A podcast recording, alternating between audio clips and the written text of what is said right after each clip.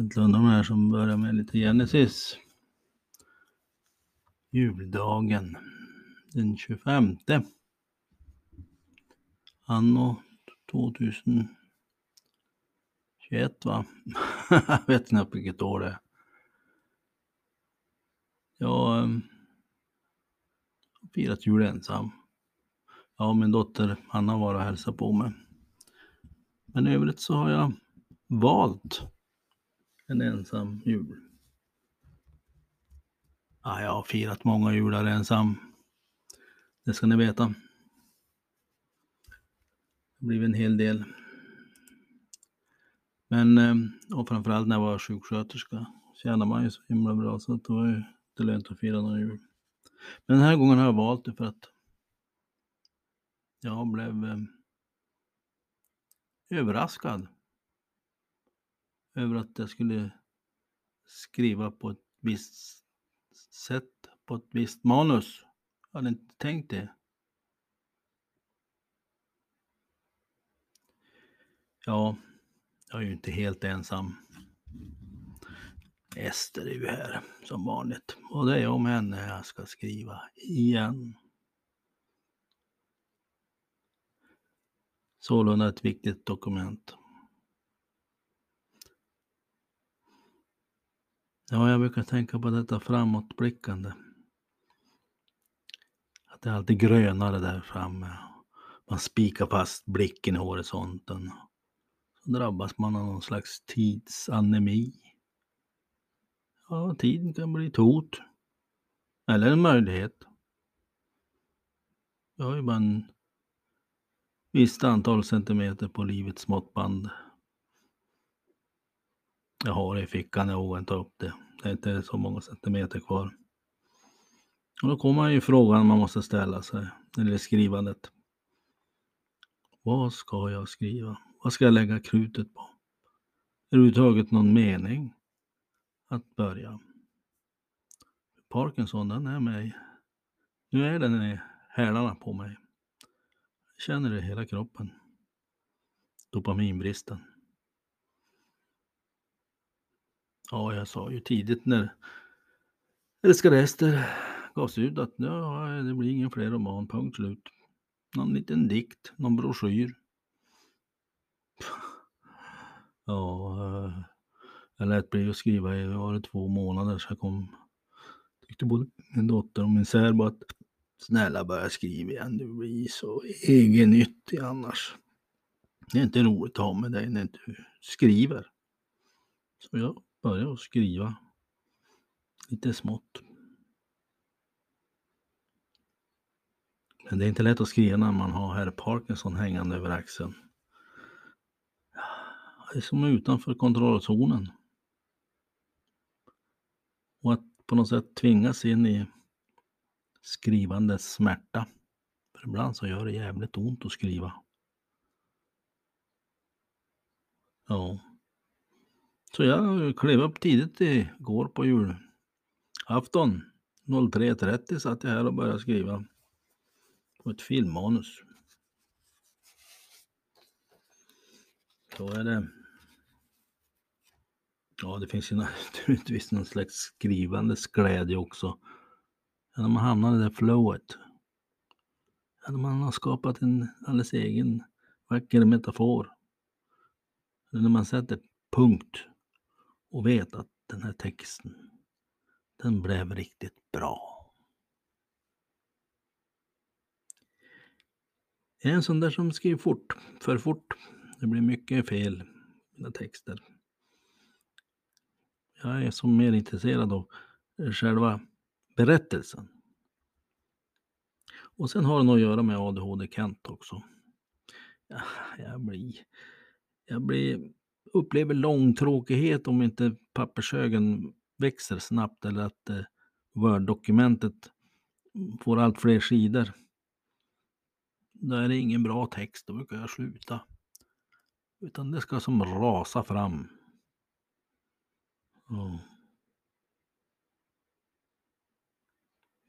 Ja. Så all denna fakta, det är förarbetet som jag, inte, jag tror folk tänker på. I helsikes många år man kan hålla på och samla ihop fakta och detaljer, detaljer, detaljer. Det är författarens värld. Där går vi väl vilse ibland. Och det ska ni ju veta ni som tänker börja skriva att samla in allt. Bli, bli professor. Men du får bara använda en fjuttig tiondel kanske, inte ens det, av ditt kunnande. Utan eh, börjar du att rapa upp allt du har lärt dig, ja då blir det som upprepningar, uppräkningar. Och du riskerar, ja du blir kallad för besserwisser.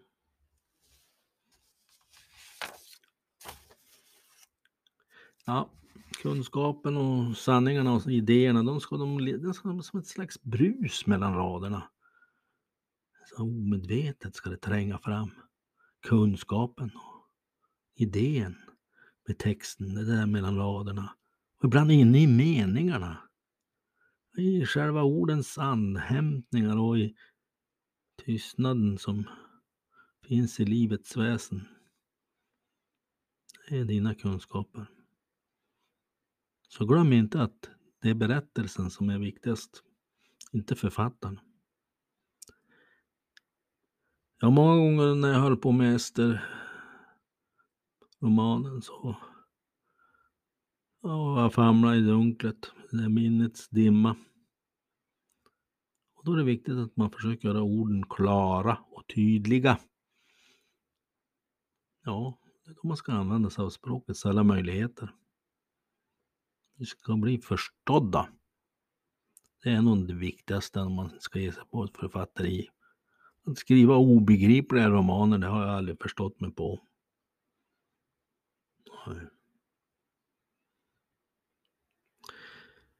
Ja.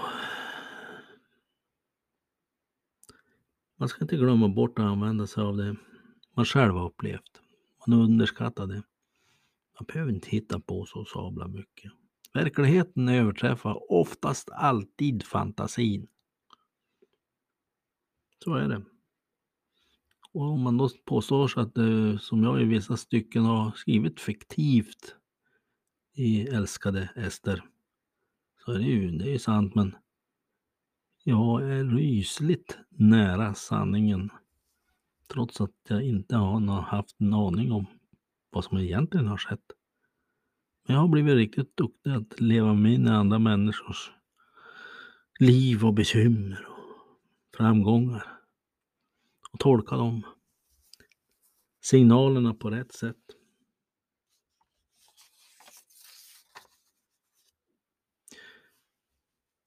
För att kunna skriva en bok så måste man ju ha ett språk.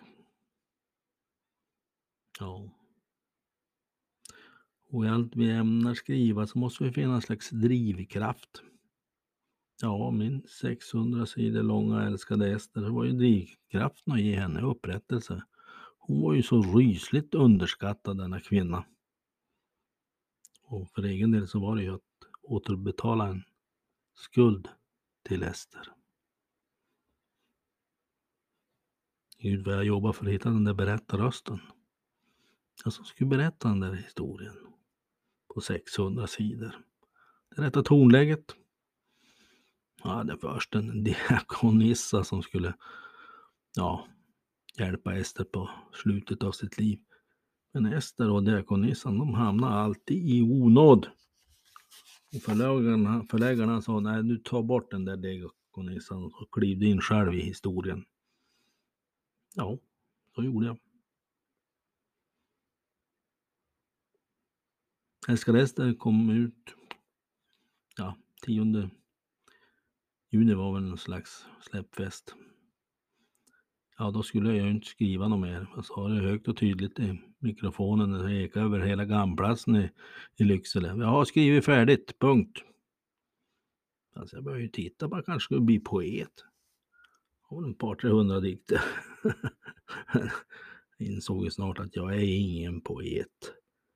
Nej, jag är för dålig på att peta i ord. Rapa upp medlånga meningar, det kan jag. Ja, det är svårt.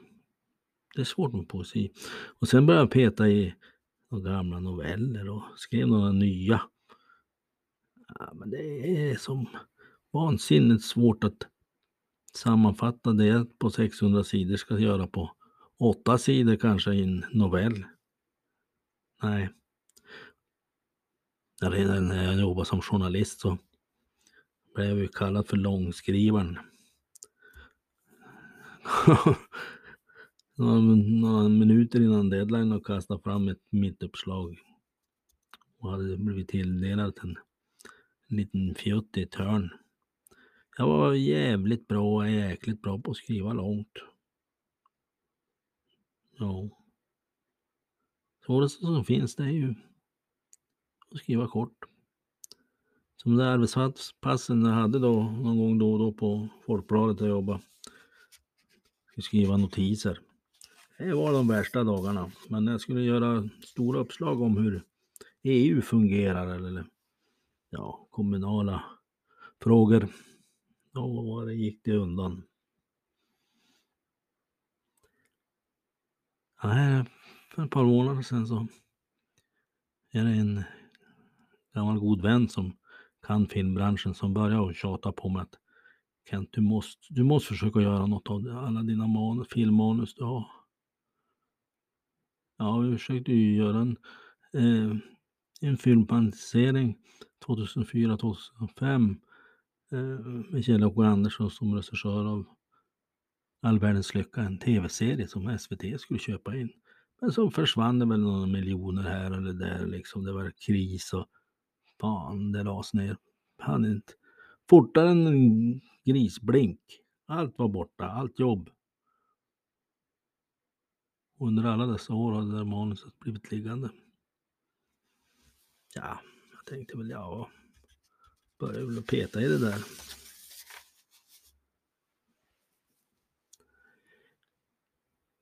Ett litet barn söker sig naturligt till föräldrarnas trygghet. Är det något sånt som vi författare håller på med att söka oss tillbaks i tiden, tillbakablickandet? Ja, man skriver ju för att bli hörd och sedd genom sina ord och sina berättelser. Och i och med att jag har drabbats av den här förbannade Parkinson så har jag fått ställa mig frågan. Vem är jag? Och vem, vad och vem blir jag när mitt språk tar slut på grund av sjukdomen? Ja, jag vet inte.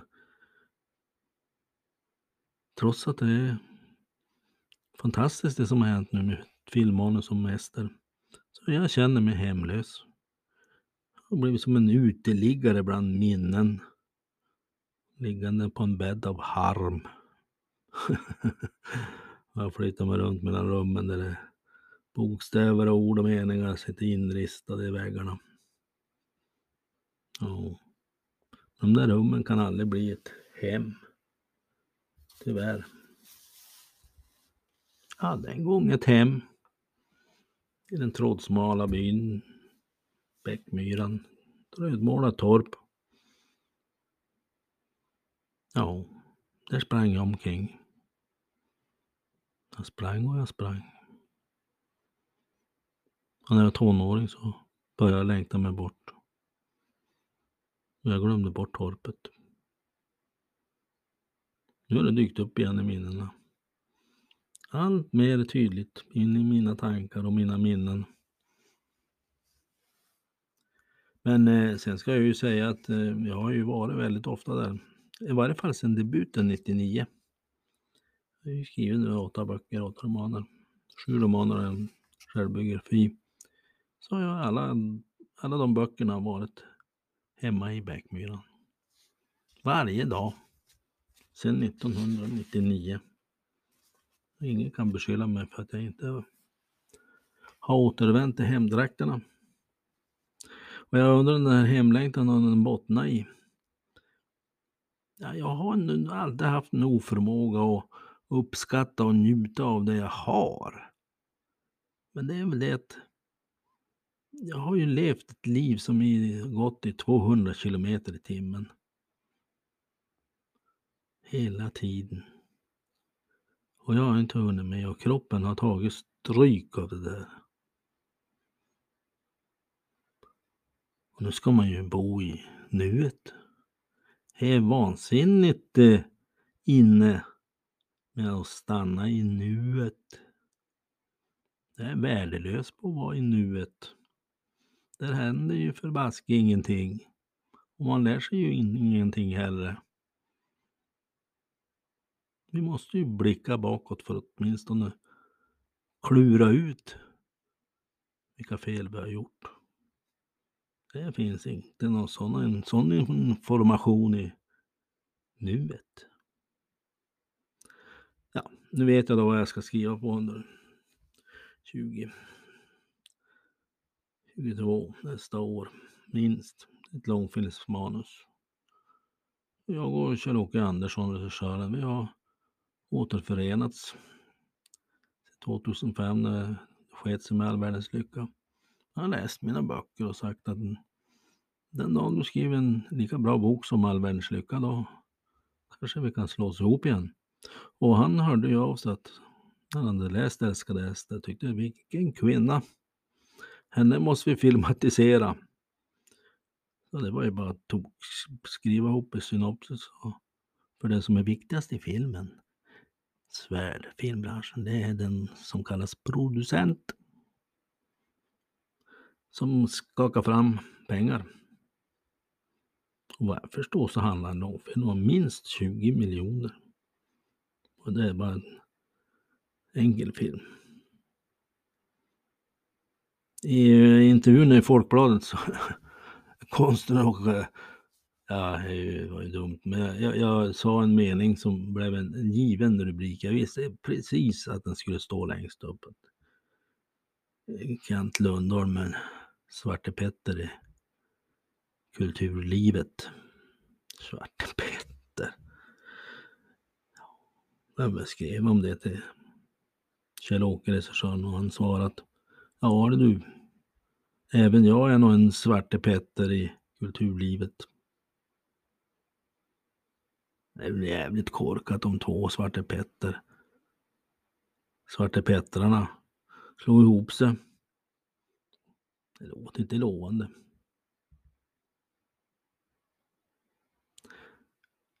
Igår fick jag på julafton den finaste och vackraste julklapp jag, ja, jag kan minnas att jag fått i mitt liv. Då ringde min vän. Vi hade inte talats vid på nästan tio år. Vi är inte ovänner utan vi bara föll ifrån varandra.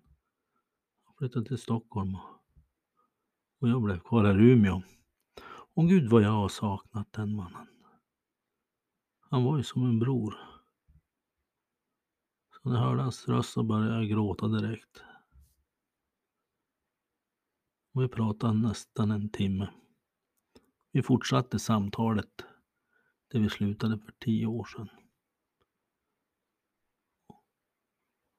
Ja. Tack ska du ha, Kjell. Ja, och ni andra då? Ja, ni kan väl fortsätta att fira jul. Jag eh, tänkte inte fira någon, någon slags jul. Tror jag. Ja, jag har lite skinka i kylen. Tunnbröd kanske blöta. Blöta ger gott här vet du. Jorda. God jul. Ska vi se om vi får avsluta med lite Genesis.